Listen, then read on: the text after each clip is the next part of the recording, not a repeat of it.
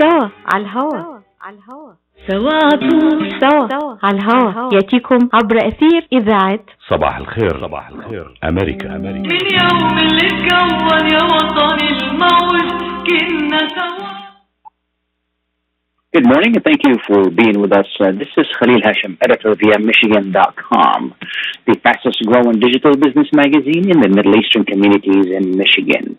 This show is brought to you in cooperation between via Michigan.com and US Arab Radio.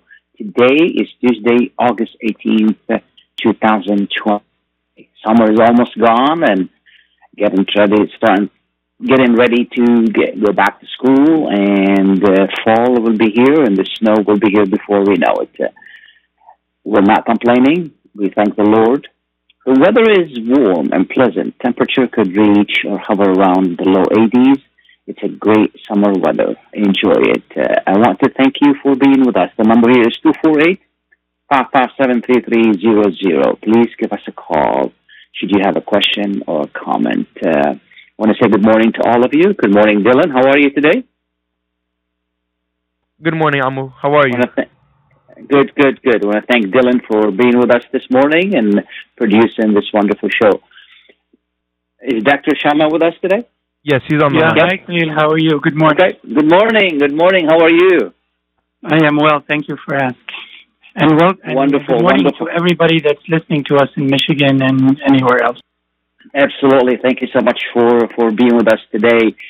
You know, the new coronavirus has dominated every aspect of our lives and restricted medical care to emergency cases, postponing elective surgeries, procedures, in all disciplines. You know, people who wanted to get pregnant, people who wanted to have other minor surgeries, uh, even people who just wanted to go to the doctor have postponed it because they were either afraid to go or these things were available. Well, the, you know, while the battle against the COVID 19 pandemic continues, you know, life goes on, and elective medicine has returned with modification and balance between fighting the virus and providing safe care for clients. You know, again, elective surgery we're talking about, or elective medicine we're talking about, you know, fertility, plastic surgery, pregnancy, uh, you know, people going for a blood test, so forth and so on. And today we are fortunate to have with us uh, our good friend, uh, Dr. Nicholas Shamma, renowned fertility specialist, award-renowned fertility specialist, to discuss how did he adjusted to the COVID-19 and how are they tailoring their services to provide the good service that they're well known for, even though you know the, the, the visitor doctor is still safe. And I also like to remind you that Dr. Shamma is a founding member of IVF Michigan Fertility Center and one of the leading reproductive and infertility specialists in Michigan, Ohio, and the Middle East. A Lebanese American physician, Dr. Shamma has performed more than 8,000 IVF cases worldwide and has more than 150 publications in the field. We are so blessed to have you, Dr. Shamma, with us. Uh, thank you so much for, for your time uh, being with us this morning.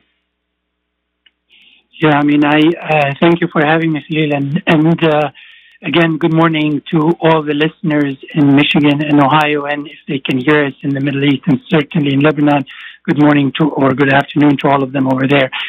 I want to start by by telling you that COVID has been a very devastating um, ailment to the United States and to the rest of the world. I mean, it is in my career, I've been a physician since 1986, so almost 34 years now. And I can tell you that this is nothing that I have been uh, expecting to see in my lifetime. And Mm-hmm. so this is one aspect that has, for the past six months, and I'm going to use that word, terrorized us in the medical community, terrorized us as human beings, and upset every aspect of our of our well-being in our society. It affected young ones, old ones.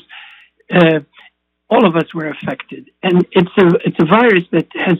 I mean, I wish to some degree that the world World Health Organization or the people that have power in this on this planet had spent some time preemptively to to take this uh, pandemic into consideration or other pandemics, because I'm sure there'll be other pandemics, and there was previous pandemics in the world, took that into consideration in providing protocols and procedures in place to mitigate or decrease the, the, the spread of, of something like COVID. Um, so that's one aspect. And me being Lebanese, I have to tell you that uh, the past two weeks has been horrible for us and the Very Lebanese yeah. American. Yeah.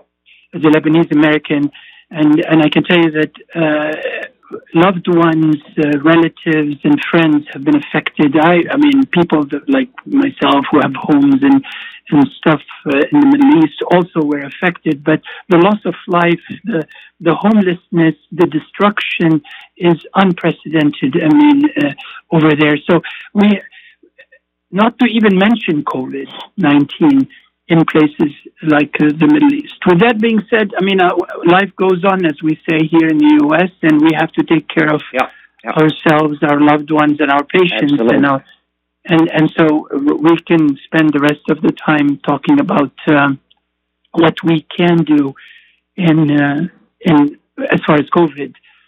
and maybe we should Sure, start, sure. uh, Khalil, telling a little bit about what, what COVID, how it started, and Exactly, and how do we Let- get let- it, let's give on, and a then we'll talk about update, yeah. Absolutely. Yeah. Let, let, let's give a, a refresher and an update on where we are. Last time we talked, it was about five months ago. So what's uh, what what have we learned so far? And you know what what is COVID, as you said? Well, I mean, uh, people that I'm sure everybody knows what COVID is, but it's a virus. It's Yeah. a, what we call an RNA virus. There are types of viruses. Some of them are RNA, some are DNA viruses. And these viruses, it originated in China, in Wuhan, everybody knows, back in December, I think. And uh, for some odd reason, the world was uh, didn't uh, take um, it didn't take the heed early on. And for some reason, I think the people over there uh, in Wuhan and China in general did not uh, tell the rest of the world the, the, the enormity of the situation. And uh, unfortunately, because of the world is so small and they allowed travel out of China for a period of time to Europe and and eventually to the U.S., um, the, the virus spread. And this virus is a very, very infectious virus. I mean, it's a, what you call a coronavirus. So the, we've had coronavirus before. Actually, the common cold is a coronavirus, and there were there are four of those. But this virus is similar to two other previous deadly viruses. One of them started again in China um, several years back, uh, called SARS, and that actually was uh, prevented from spreading because of certain steps that were taken early on. And then there was a similar virus actually that started in, in um, the Arabian Peninsula uh, called MERS, uh, Middle Eastern Respiratory virus. And, and that virus also is a coronavirus. And, and for, thank God, actually, it didn't even spread. It was even deadlier than coronavirus, the current one, than COVID 19, COVID 2. And it was it was prevented from spreading worldwide. Now, those viruses, Khalil, spread by most of the time by by droplet transmission, which means that somebody has to cough on you, has to talk next to you, or to to sneeze next to you, so the virus uh, can spread. And there are other potential modalities of of uh, maybe virus spread through what we call aerosols, and these are tiny droplets that stay floating in the air for a period of time, or fomites, which is like doorknobs and, and metal surfaces or things that we touch or clothes even. But but the, the from I mean most of the time the rate of transmission has to do with with direct exposure to the droplets of the virus from somebody who has the virus. And what makes this virus so unique in a sense is two things. Number one is how infectious it is. I mean, it's amazingly infectious. You don't need to spend too much time next to somebody who has the virus and spreading it to catch it. And mm-hmm. number mm-hmm. two is is how how deadly it is compared to other viruses that we've known, like the common cold, which is a coronavirus, or like even the, the, the flu virus, which we get every single year. That has, I mean, it's not similar to, to coronaviruses, but but it's it's we're talking about a mortality rate of orders of magnitude smaller. So whereas one of them, the, I mean, certainly has to do with age, but and we'll talk about that in a minute. But if you look at mortality rate, for instance, for from influenza, it's only 0.1 percent, whereas the mortality rate from coronaviruses, if you look how many cases worldwide exist uh, and how many deaths have occurred, it's probably somewhere in the three to five percent range in, in, in certain areas. And therefore, we're talking about orders of magnitude greater.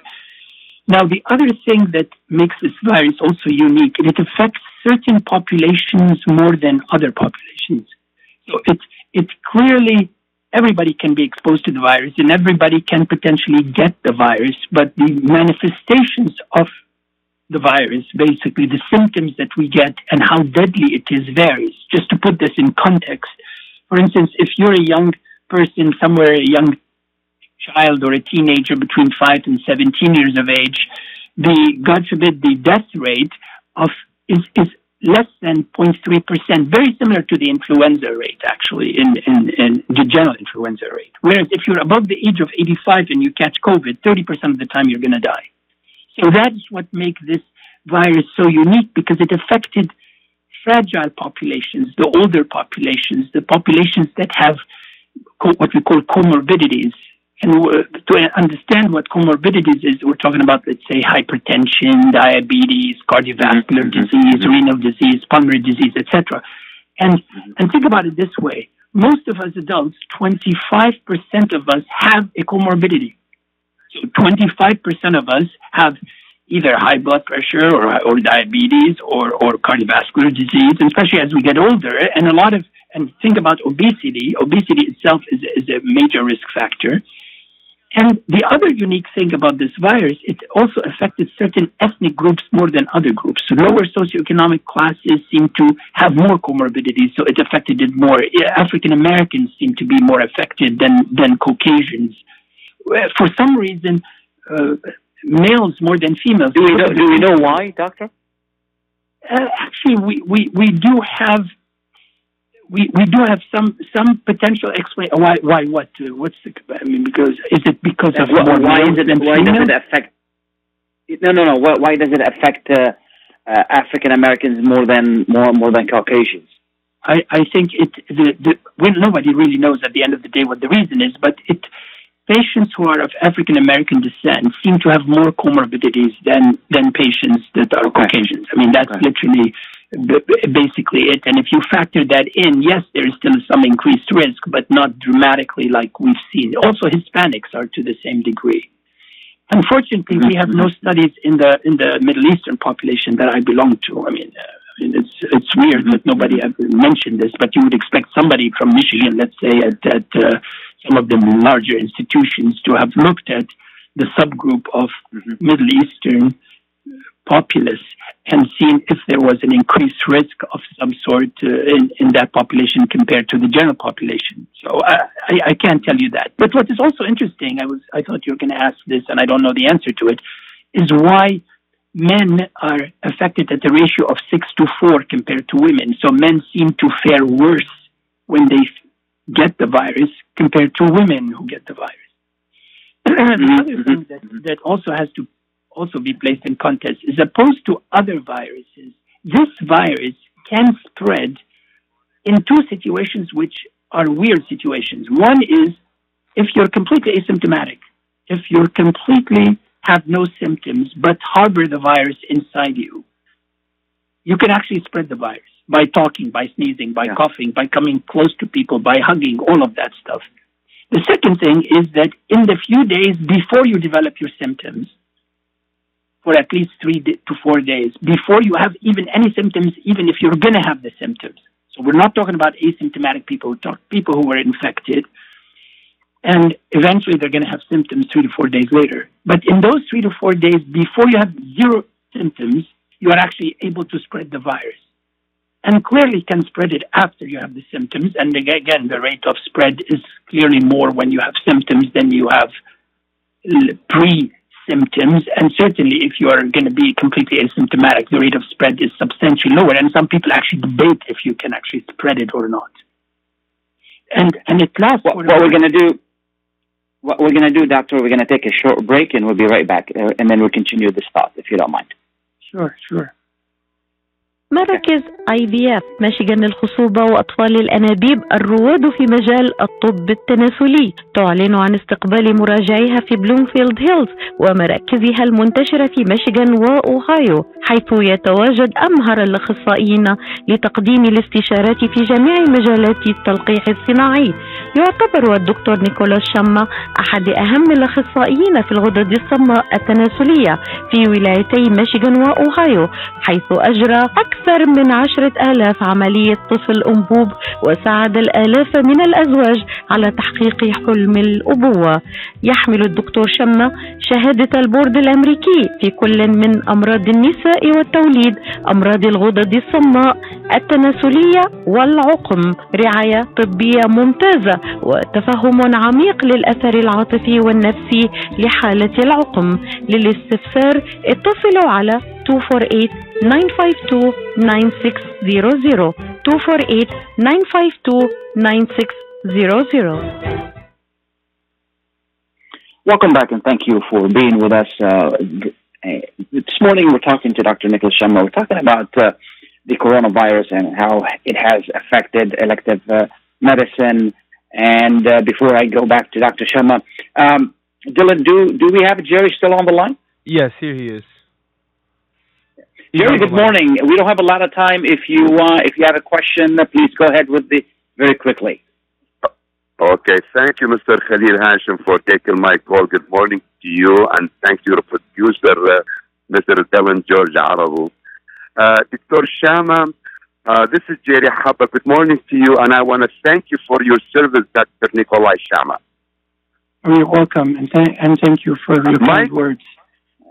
Thank you, Dr. Shamma. My question to you, Dr. Shamma, every year the flu kills 200,000 American citizens.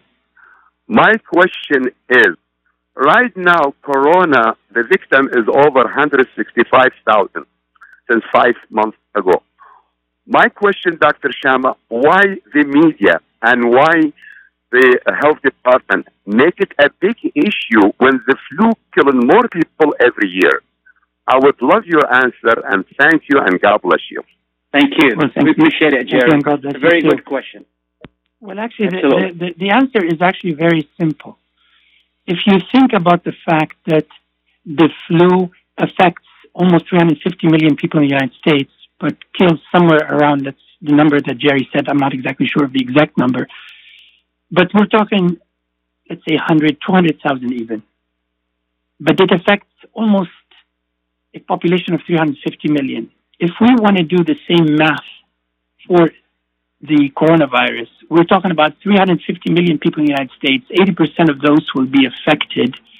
So you're talking somewhere closer to 300 million. If 5%, 3 to 5% of the people die from it, you're talking about a death rate of 3 to, I mean, substantial death rate. I mean, even a third of. Absolutely. We're talking about somewhere between Absolutely. 5 and 15 million people. So that is if we do not take mitigating steps. So this is very different than the flu, extremely different than the flu. Plus, remember something. The, that's the first part of the answer. The second part of the answer is also obvious.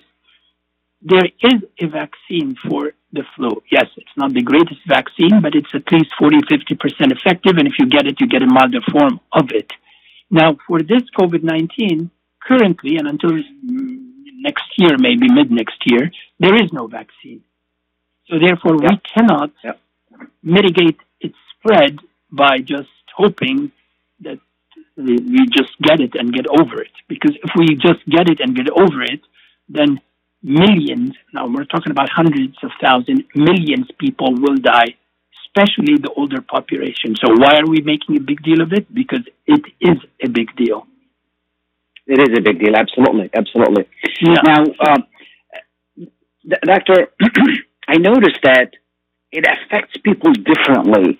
Is it the same virus? Is the virus mutating, mutating, Yeah. or is it that our bodies react differently to it? No, actually, not to get into too many technical medical related issues. but the virus Sure. has mutated, has mutated since its inception in, in, in China. And, and, and I have to tell you something about this virus. I mean, it, it is endemic in bats in China. And then there was a middle, probably a middle reservoir called the Mango, and it's a sort of an animal, Chinese animal, I guess. And then it spread to mm-hmm. humans. But it has mutated. It was less virulent when it was in China. And substantially more virulent, more more infectious, and more deadly as it spread throughout the world. And um, so, so I mean, th- th- this virus has been going on for since earlier this year, and I would bet that it's going to continue to mutate. And what you hope for eventually, when we talk about, if we have a few minutes to talk about vaccines, we hope whatever vaccines we're developing now are going to address the the ability of, the, of the, uh, to kill the virus or prevent us from getting infected by the virus, despite its mutative capacity, because all viruses mutate. I mean, to escape actually the eventual destruction. So, so I mean, the mutation is hap- is hap- is going to happen, and it's happening. Sure, sure.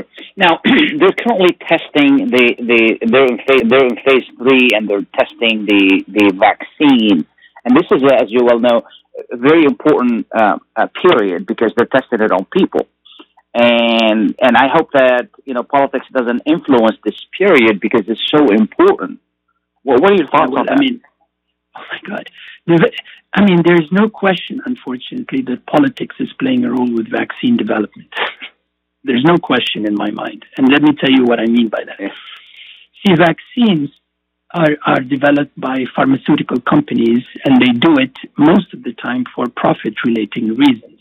Now, unfortunately, here in the United States, the, the government is subsidizing certain vaccine development uh, com- developing companies and not others, even though the va- I mean we don't really know if any of those vaccines um, are effective, and we don't know what side effects they might or might not have. To give you an idea about vaccines, I mean vaccines could either t- be an inactivated virus, so they take the same COVID COVID two virus and, and change it a little bit to make it inactive, or they the vaccine involves taking a part of the virus, the spike protein of the virus, and developing a um, making a, a protein of it and then injecting it and hope that the body develops an immune response to it that will eventually kill the virus or destroy the virus when when the, the real virus comes. Or now there are novel approaches using RNA technology and DNA technology and that seem to be promising. The problem with a lot of the, at least phase one trials of those vaccines, is that some of them, or most of them, I should tell you, were used in younger people, Khalil, and and and even the, I mean, especially there was um, the, the the the ones that are um, developed in England in Oxford, or or there is another company here in the United States that developed an RNA vaccine. I don't want to mention any companies, but those vaccines had apparently level two and level three reactions in even younger healthy adults. So I can imagine what would happen if you give the vaccine to older people. And we don't have any phase three trials to assess that yet. And we don't even know if phase three trials, whether that vaccine is going to protect us. And most importantly, we don't know how long the immunity is going to last because it looks like currently, if you get COVID, by three months, your antibodies are gone, so you can get COVID again. Yeah, yeah. I was going to ask you about the, the immunity. Yeah, yeah. Well, whatever vaccine we develop has to be given multiple times and numerous occasions. There's one vaccine, actually, one company in a, that uh, that uh, developed a DNA vaccine, for instance, and that DNA vaccine seems to have actually no side effects, to my knowledge, uh, according to the phase one trial. But they're starting a phase two to three trial sometime in September, I think. So, I mean, not only do we need to find a vaccine, but we need to find an effective vaccine that works and prevents us from getting a virus over a an extended period of time. I mean, more than three months, I, uh, in my opinion. Otherwise, every three months, can you imagine if you give a vaccine every three months? And then the second, Yeah, I know. It, no, no. And the second, Khalil, is obvious. It has to be able to Sure. to be um, has minimal side effects because people won't take it. Yeah. I mean, think about the flu. Only half Yeah. the population takes the flu vaccine, even though it's readily available. Everybody can take it. Even you go to to, Yeah. to any pharmacy, they give it to you. So, Yeah. and the other thi- a third part of the equation about vaccines has to do with distribution and manufacturing. I mean, you should be able uh, to be able to produce the vaccine. If you cannot, if you only produce a million doses and you have 350 million people in the United States, I mean, that uh, might be an issue here. Absolutely. At the end of the Absolutely. day, you need to be able to ma- di- manufacture it and distribute it efficiently and effectively. And some of those vaccines, there's a vaccine like an RNA vaccine that's now being tested. I mean, you need to to to keep it at minus 80 degrees Celsius. I mean, imagine. I mean, where do you find a fridge that is minus 80 degrees Celsius? I I, I can tell you, as an infertility subspecialist, and we have a huge laboratory to have a, a freezer that allow the temperature go down to minus 80 degrees is a major deal. So not everybody has it. Yeah. How could you maintain the vaccine? Now, thank God there are some DNA vaccines that can exist for a year in, in, in stable situations at, at the regular refrig- for regular refrigeration and several months even at room temperature. So, I mean, vaccines are being developed. Some, and the, at the end of the day, God willing, we'll have an effective vaccine that lasts, that has minimal side effects, and that can provide immunity for a period of time and can be manufactured easily, I guess, and distributed. So these are all the components of the vaccine. And I can tell you this is not happening before sometime in the middle of next year, I think, or early next year, not to be pessimistic, but I mean, I'm a realist at the end of Sure. the day. Sure, sure, sure, sure. Now, as far as viral medication, we still don't have anything effective to counter this No, virus. Is that correct? n- n- n- n- nothing. I mean, uh, remember the, the, the big thing with, with Plaquenil or, or hydroxychloroquine. I mean, in my field as a subspecialist, I use I have used Plaquenil for years, for years. And Plaquenil is, is for people that don't know what it is. It's hydroxychloroquine. It's what President Trump took for to when he got potentially exposed, I should say, and you know took it Yeah. for a couple of weeks. But people have tried. So this this medication is used for people that have rheumatoid arthritis or lupus and so on, and has been used for years, years. And I've used it personally for years because apparently it modulates implantation and improves implantation. And actually, when COVID hit, we were unable to, to find it, to use it for the people that we give it to routinely. Because the, the state of Michigan said that you can only prescribe it under certain situations people are, were taking it like uh, willy nilly. I mean, for no reason or good reason for that matter. Mm-hmm, mm-hmm. Now, Mhm. it appears, let's say, uh, that mo- modulator, that uh, or that drug, which was first studied in France and later on used sometime in the world, that it might potentially, potentially, I should say, affect the the, the, the, the disease process if you use it early, very early in the disease, as soon as you get exposed, or maybe. Um, when you have very, very early symptoms. But but most of the studies that have been done later on were done in hospitalized patients, and those really failed to show any any any difference whatsoever. Actually. Yeah. So again, uh, the data on this is debatable. Then there is another drug to talking about drugs called remdesivir, and remdesivir is a drug that prevents uh, RNA replication and has been shown to to minimize your hospital stay by around four to five days in randomized prospective trials. But at the end of the day, you're hospitalized. And and talking about hospitalization and and and what happens to you, I, I want to just put this virus in perspective and listen to this. Five percent of people, five percent of people, eventually get get severe symptoms that require them to go to the ICU. And among those that ever get to a hospital, one in five or 20% of them eventually get into the ICU. But here is the thing if you get to the ICU and you have COVID, unfortunately, God forbid, 40% of the time you're not going to get out of the ICU. You're going to die. Wow. So that is Yeah, how yeah. bad this virus is. So, especially Mhm. if you get to a hospital, I mean, I'm not saying you shouldn't go to a hospital if you're sick, but if you happen to need a hospital, or more so if you need an intensive care unit, the death rate is is beyond imagination. We're talking about one forty percent, like almost one in two people that get into the ICU don't get out of the ICU. And I've had friends and and and colleagues even in the medical field that that got affected and even needed intensive care treatment. And unfortunately, I know people that passed away from from from the virus, um, relatives and, and and colleagues and friends. Unfortunately, so that is what makes this virus so deadly. Is that I mean, there is no good treatment. There is no good Yeah, treatment. So unfortunately. therefore, so therefore, the until two things happen. Until we get a vaccine that is effective, and we said last, and un, we have to take mitigating efforts to prevent the spread as much as you as much as possible, and therefore it is a big deal because we die when we get it. So, so to make a long story short, we should do all the mitigating steps that the government is telling us, and we don't know what those mitigating steps what they should be, but we think, like most pandemics, you should because it's an aerosolized uh, droplet transmitted virus, you should maintain social distancing at least six feet.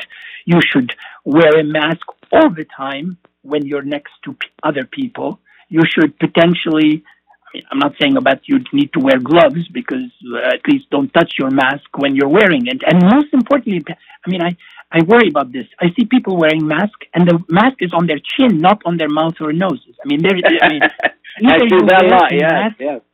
yeah, Khalid, Yeah. even if you wear a mask properly, you shouldn't maybe wear a mask if you cannot, for whatever reason, wear it properly. So wear a mask properly and try not to touch your mask with from the outside if you can avoid it. Or so, so Avoid it, yeah, wearing yeah. a mask, social distancing, and hand washing or using products that have at least 70% alcohol in them, like Purell and otherwise, not to mention ones. Mhm, mhm. I mean, is the way to go to minimize the risk of exposure to to the virus.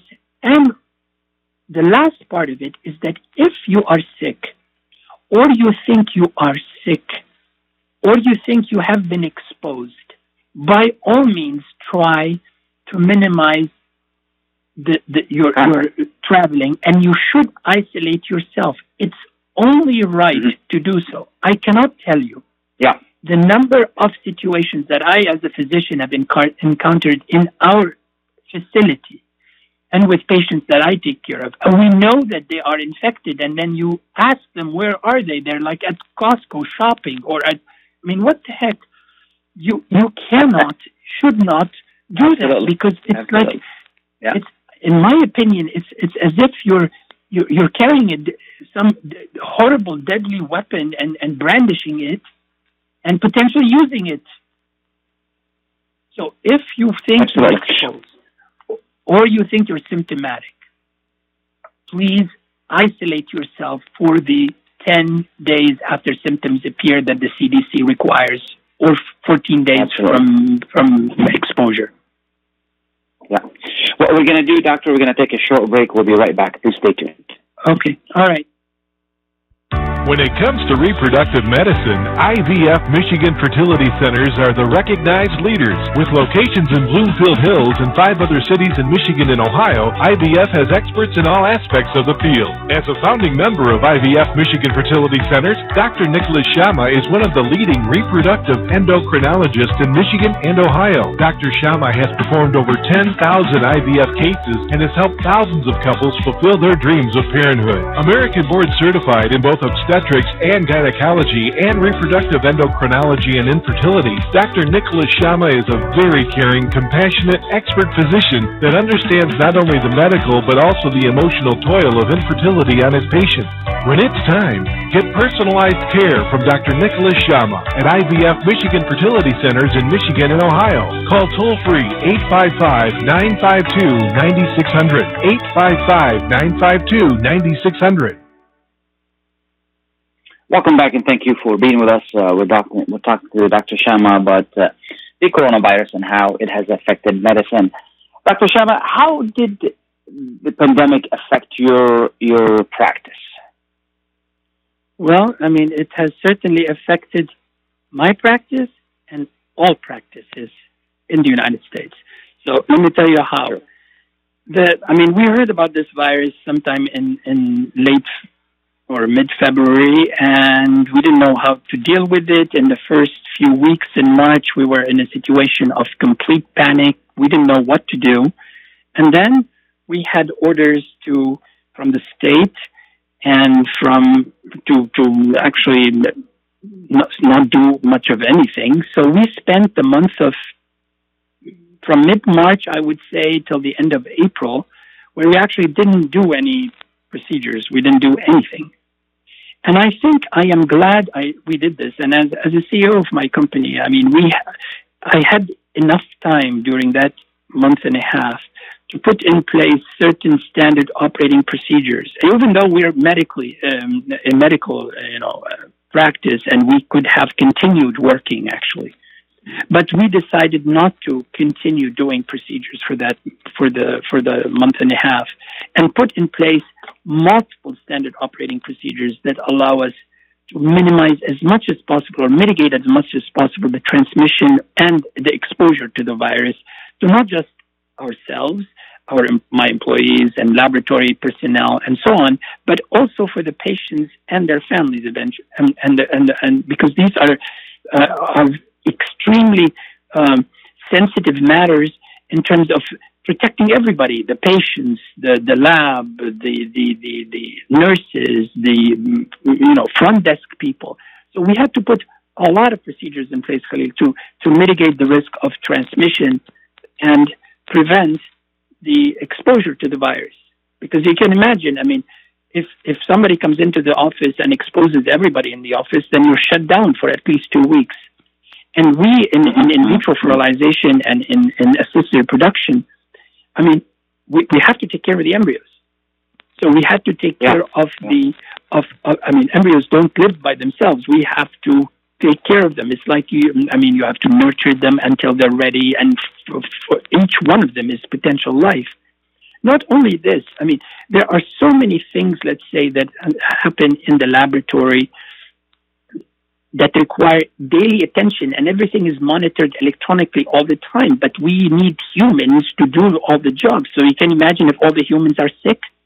And to put this in yeah, perspective, yeah. we have thousands, tens of thousands of frozen embryos in, in our facility. We're the largest in Michigan and Ohio. So we have tens of thousands frozen embryos that require, let's say, liquid nitrogen to be able to sustain them. I was initially worried when the, this thing, but what if the companies that supply liquid nitrogen to us fail or stop supplying? Yeah, yeah. Then what? Yeah. Then what? Yeah. Then what? So I mean, yeah. I, I, I can tell you, Khalil, that this whole thing made us do so many extra steps in our field. And I would tell you today, as, as a practicing physician, as, as a manager of, of my corporation and so on, at least an hour per day, at least an hour per day, I spend on dealing with COVID related issues. Every single day okay. of every week since the pandemic hit us to, mm-hmm. to, to, mm-hmm. to, to deal with situations that come up, with exposures, with, with, with, with things that we need to, to, to, to address. Now, we haven't spoken about pregnancy and, and fertility, yeah. but I think COVID mm-hmm. affects things in, in two different ways. And before I address pregnancy and fertility, I want to affect the, uh, I want to tell you something uh, about about the the stress and the psychological, uh, you know, toil of this pandemic on all of us. Myself, I mean, uh, on our kids, on our loved ones, on our older people that are all by themselves now, and nobody looks at them because you can't visit them. I mean, I have a grandchild that I've seen her six times because my my daughter thinks that I shouldn't come close to her, or even, I mean, I can see her from far, and that's basically it. But I'm telling you about the kids that are sitting at home not going, not seeing their friends, it's it's it's a major stressor for for those young adults.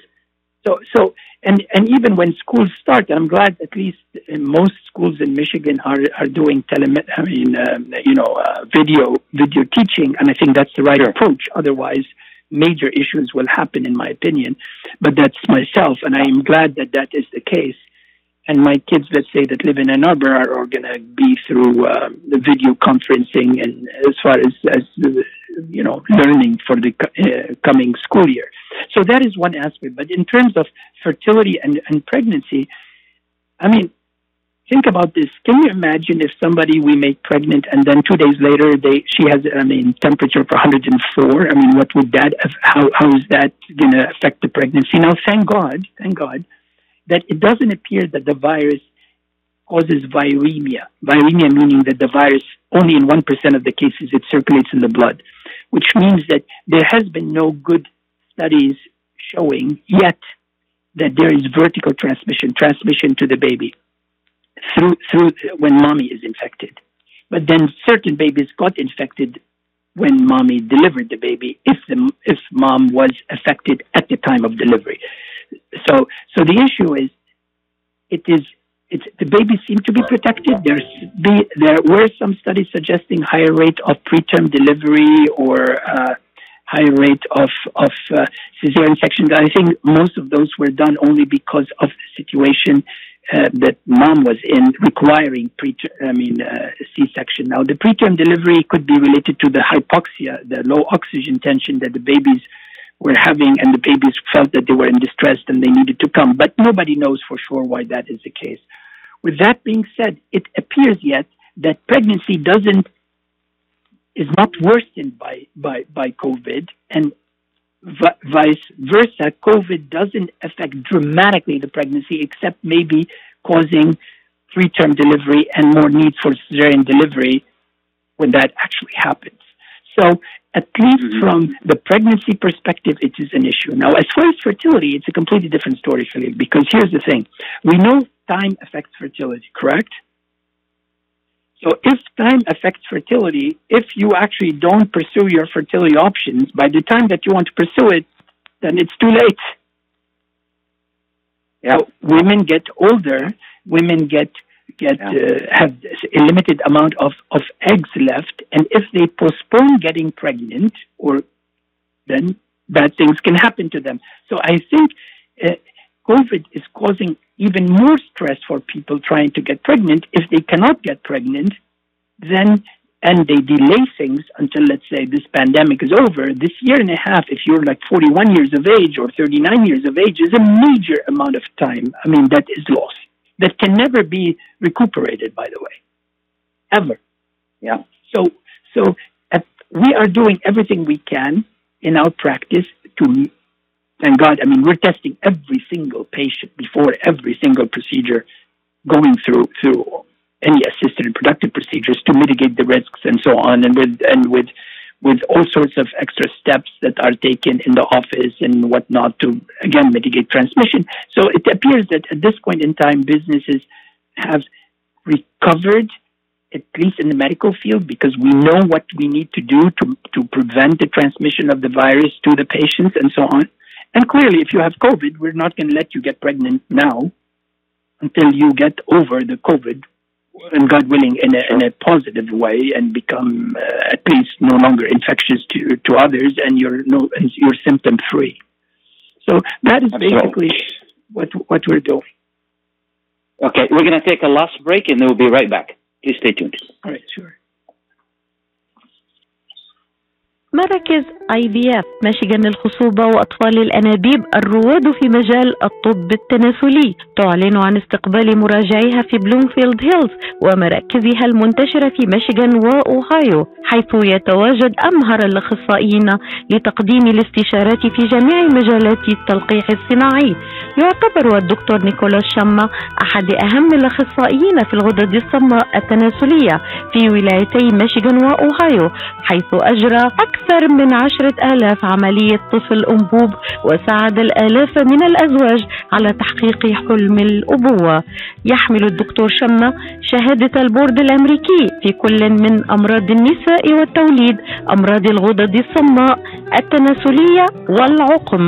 رعاية طبية ممتازة وتفهم عميق للأثر العاطفي والنفسي لحالة العقم. للاستفسار اتصلوا على 248 952 9600 248 952 9600 Welcome back, and thank you for being with us. Uh, we're going to continue with uh, Dr. Shamma talking about how the COVID 19 has affected uh, their practice. Uh, Dr. Shamma, uh, are you back 100% where you were before COVID? Yeah, I mean, actually, since May 1st, we were back 100%. That's good. Yeah.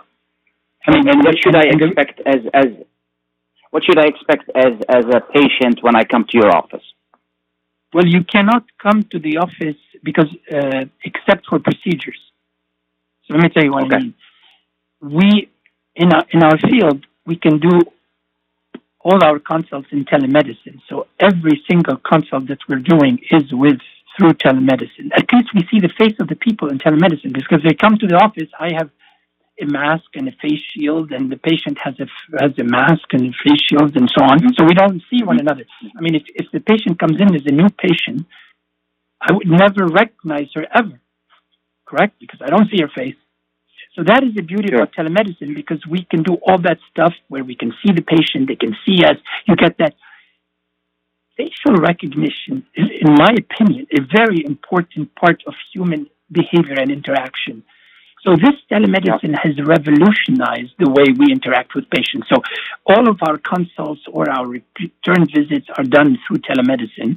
But when the patient needs a procedure done, then they come into the office and all of those steps are taken to with with with social distancing, with with um, face masking, gloves, Purell, all that stuff is done, and temperature checking and, and whatnot.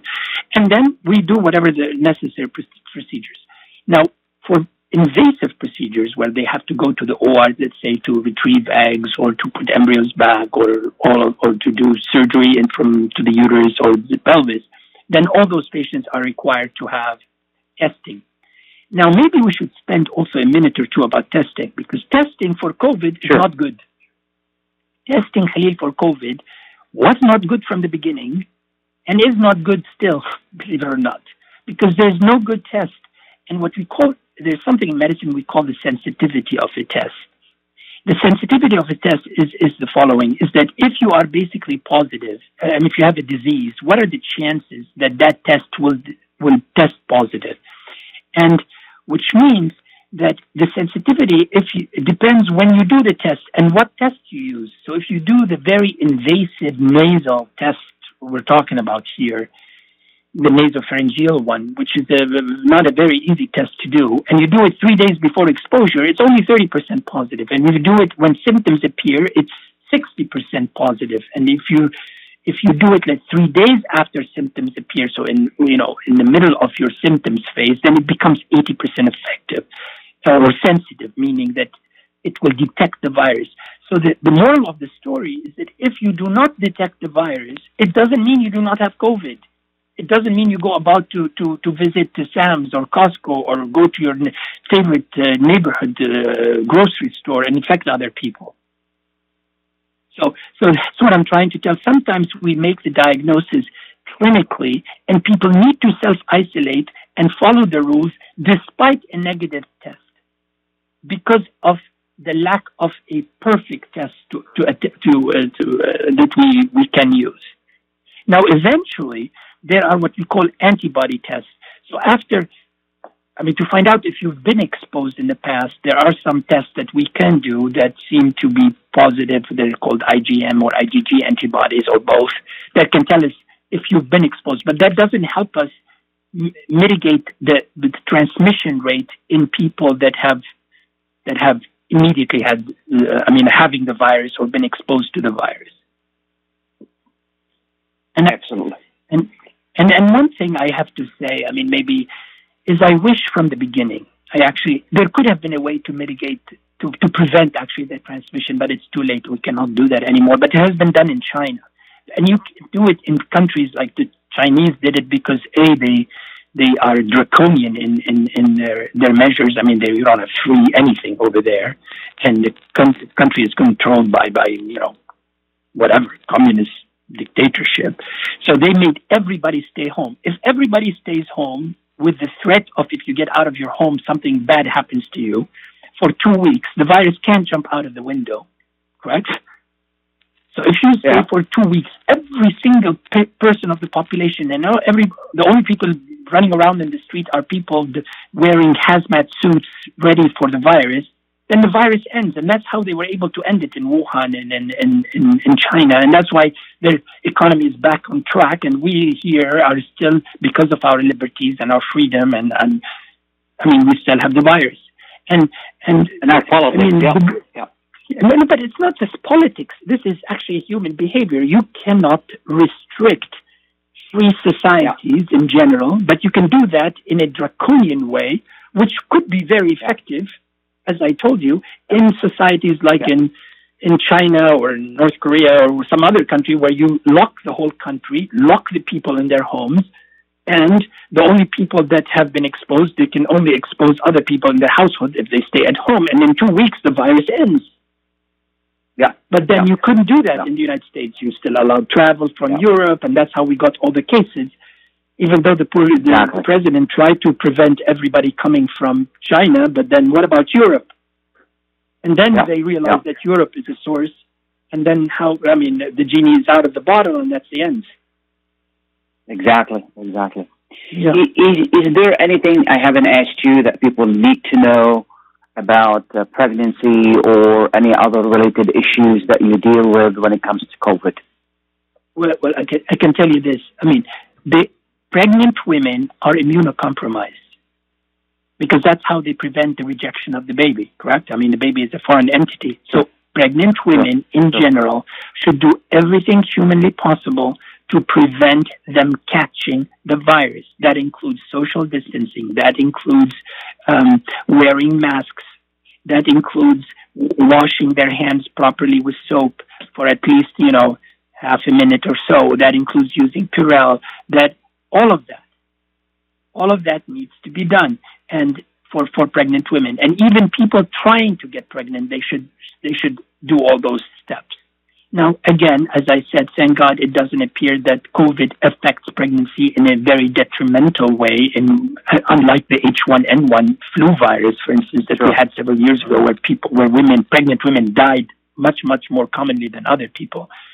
But here it Mhm. appears, and for some degree, as we said, women seem to be protected. So the moral of the story is that try to to do everything possible to prevent you from catching COVID. And all our patients that are pursuing fertility issues are actually doing that currently. And we tell them, and they, I mean, they they are perfect in mitigating the risks to themselves and to their loved ones, and that includes also their husbands or their partner. Yeah. Because you, I mean, you can't do all this stuff and then have your husband running around and exposing you and the rest of the family to the to, to the viruses, and that to some degree includes other modes of transmission from the kids. If you have older kids that insist on going out and going to parties and and, and not social distancing and certainly not wearing masks. I mean, it's uh, to my de- to some degree insane in my opinion, but.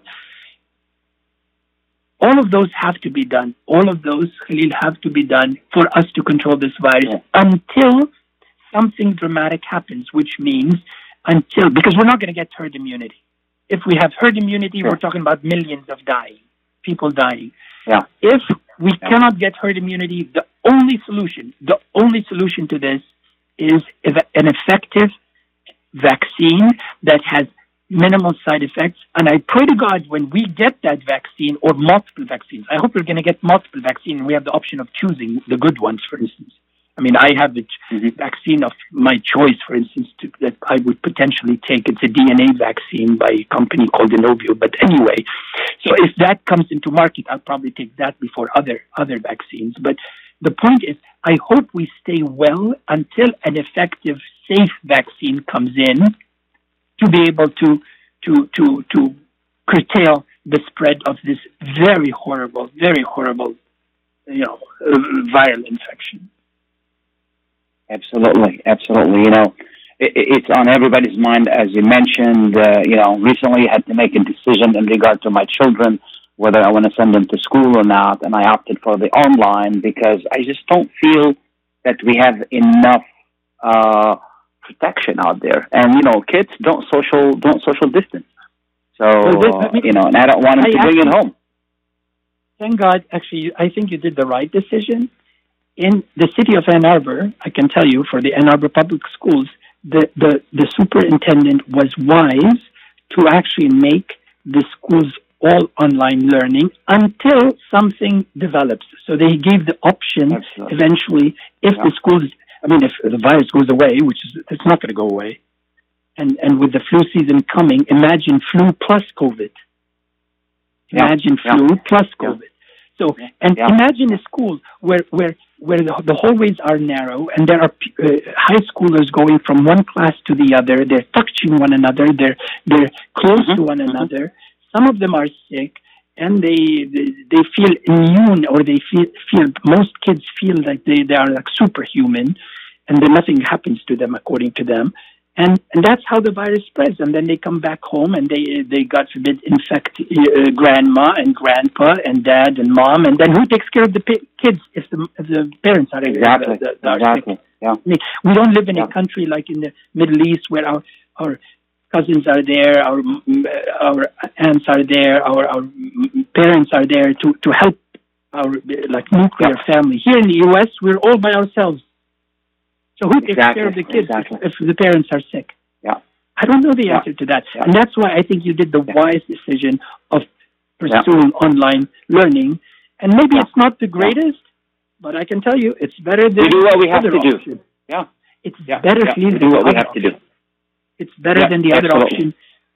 And and may God protect each and every one of our listeners and keep them safe Absolutely. and healthy Yeah. until a vaccine and comes out. And I want to implore all our listeners, when an effective and safe vaccine comes in, please take it. Please Yeah. take it. Number one. Number Yeah. two, please everyone take the flu vaccine because you do not want to have flu, the flu virus being confused with the COVID virus. Absolutely. So, Absolutely. uh, so whenever that flu vaccine comes in, it hasn't come in. I can tell you that. I know from my office. Once it happens, Yeah. it is imperative that everyone this year takes it, not 50% of the population. Yeah. Yeah. Because the gentleman that called us and said there's 100,000 or whatever number of deaths from the flu virus yearly, most of the time that happens in people that haven't taken the vaccine. Exactly. Exactly. If all of the And we're, we're, we're, we're out of time. I want to thank you so much for being with us today. This has been excellent and great information that you shared with us. And it's always great to talk to you, Doctor, and, and, and having you on the show. And may God keep you and your family and our listeners safe and, and protect our Thank you. nation and the rest of the world. Bye bye. Thank you. Thanks again. Thanks, Dylan. Thanks, everybody, for listening. Bye bye now.